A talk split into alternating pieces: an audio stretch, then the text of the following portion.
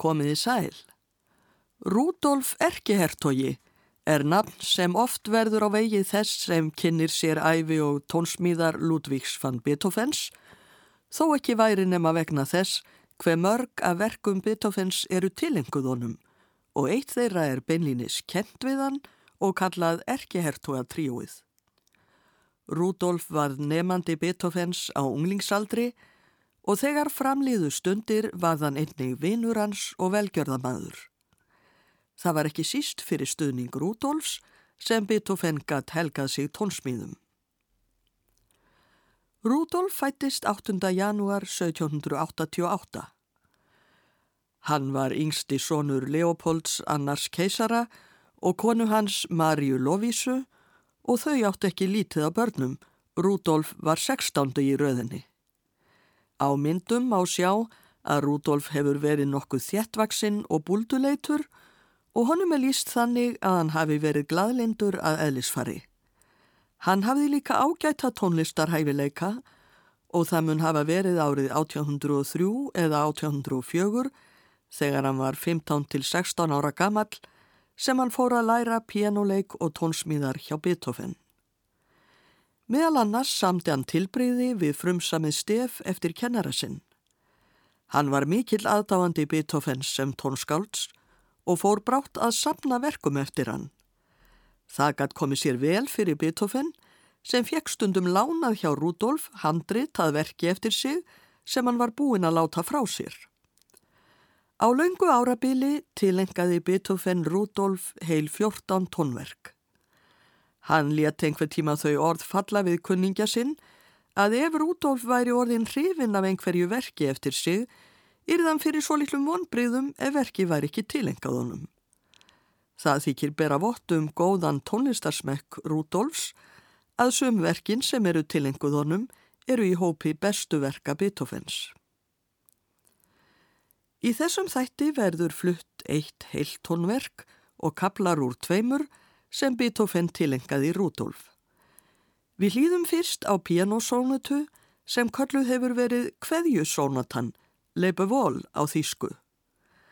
Beethoven byrjaði að semja sónutuna árið 1809 en þá geisaði stríð, herir Napoleons gerðu árásir á Vín og Rudolf Erkihertogi neytist til að flýja frá borginni.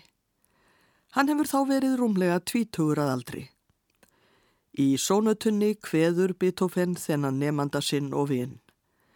Kaplarnir eru þrýr, Sá fyrsti heitir Lebevól, verðu sæl.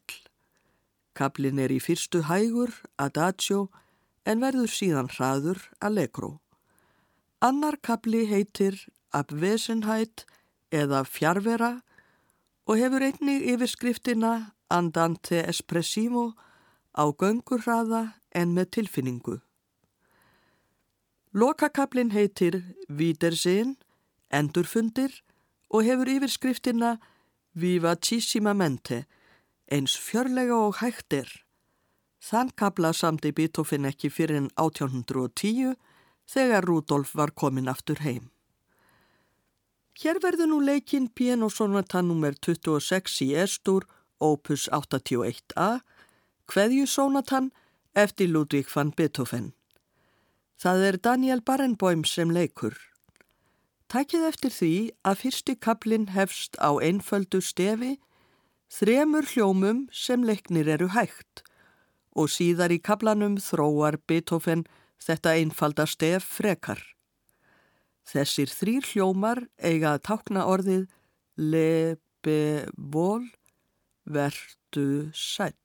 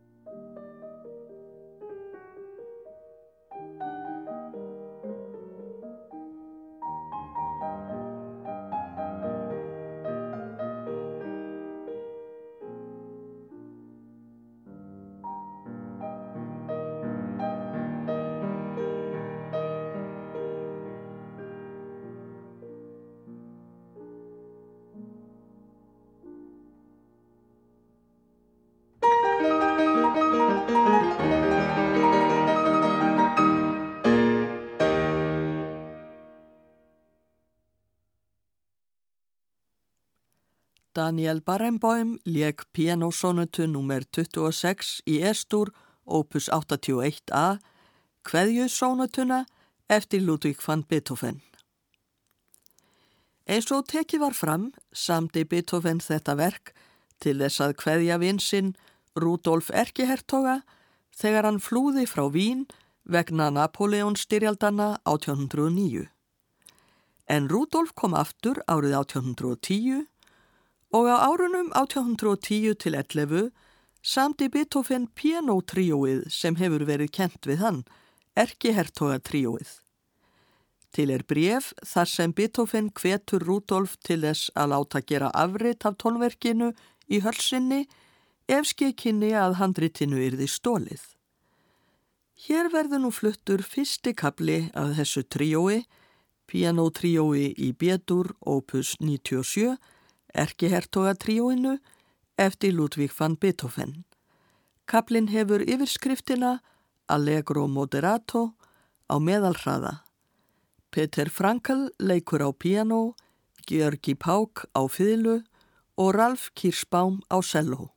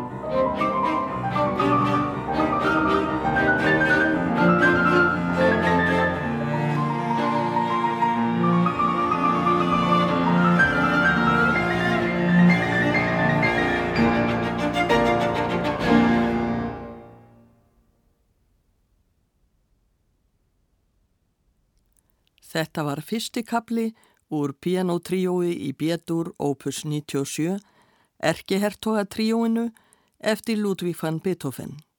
Peter Frankl lék á piano, Gjörgi Pák á fyrlu og Ralf Kirschbaum á cello.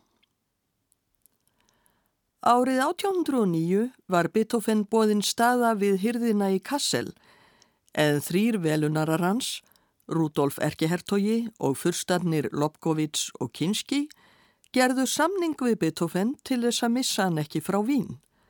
Samkvæmt samningnum skuldbundu þeir sig til þess að borga Beethoven 4000 flórína áslaun gegn því að hann væri áfram búsettur í Vín. Kinski lagði fram 1800 flórínur, Lobkovits 700 og Rudolf 1500. Beethoven fjælst á þetta. Mart fer öðruvísi en ætlað er, Kinski dó árið 1812 og erfingjar hans vild ekki halda greiðslunum áfram og Lobkovits varð gjaldþróta og neittist til að flýja frá Vín árið 1813. En eftir það hækkaði Rudolf framlag sitt sem framlagi hinnanam og helt greiðslunum áfram einn og var það sannanlega mikið vinnarbræð. Á þessum tíma ákváðu foreldrar oft hvaða veg börn þeirra skildu ganga og snemma var ákveðið að Rúdolf skildi gerast kirkjunarmadur. Árið 1819 var hann výður erkibiskup og í tilefna því ákvað Beethoven að semja áhrifamikið trúarverk.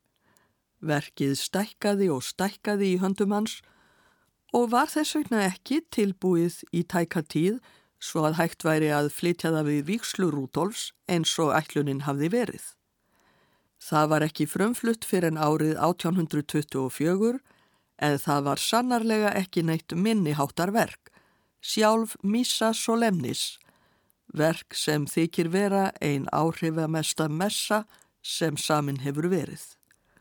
Á handritið sem Beethoven gaf Rúdolf skrifaði hann frá hjartanu megið að fara til hjartans.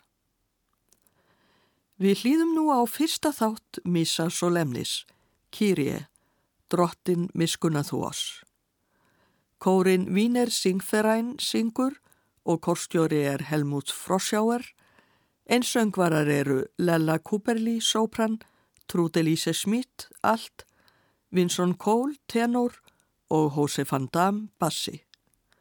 Fílharmóniusveit Berlínar leikur, stjórnandi er Herbert von Karajan.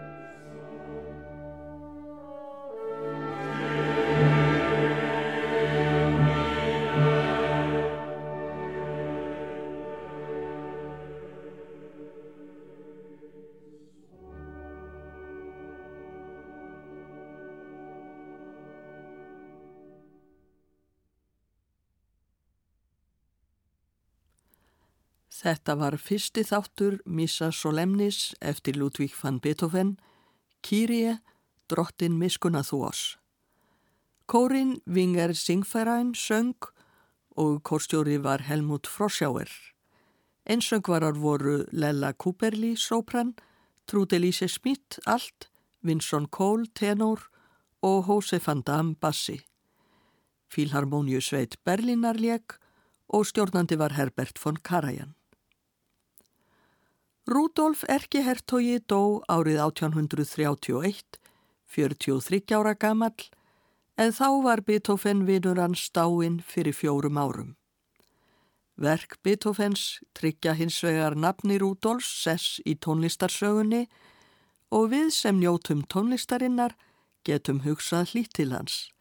Ég þakka hlustendum samfélgina, verði sæl.